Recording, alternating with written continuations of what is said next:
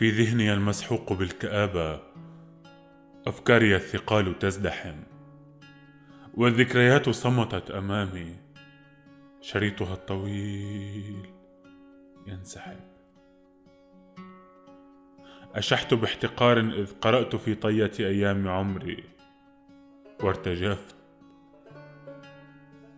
كم لعنت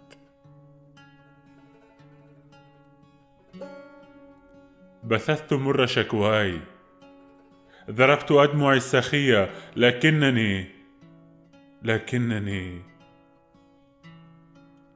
لم ألمح تلك الأسطر الحزينة.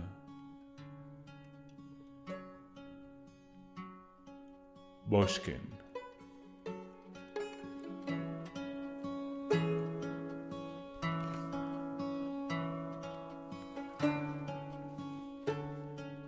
هكذا كان لايفسكي يفكر وهو جالس إلى المكتب في ساعة متأخرة ولا يزال يفرك راحتيه.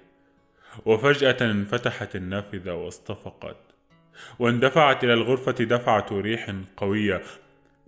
فتطايرت الأوراق من على المكتب وأغلق لايفسكي النافذة وانحنى ليجمع الأوراق من الأرض وأحس في جسده بشيء جديد.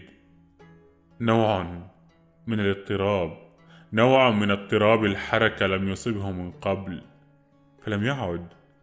لم يعد يتعرف على حركاته كان يسير في وجل ويتدافع مرفقاه جانبا وتتقافز كتفاه. وعندما جلس إلى المكتب عاد يفرك راحتيه. لقد فقد جسده مرونته على المرء قبيل الموت أن يكتب إلى أقرب الناس.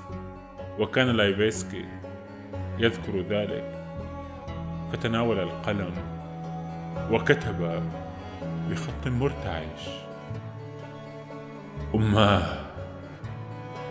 أماه.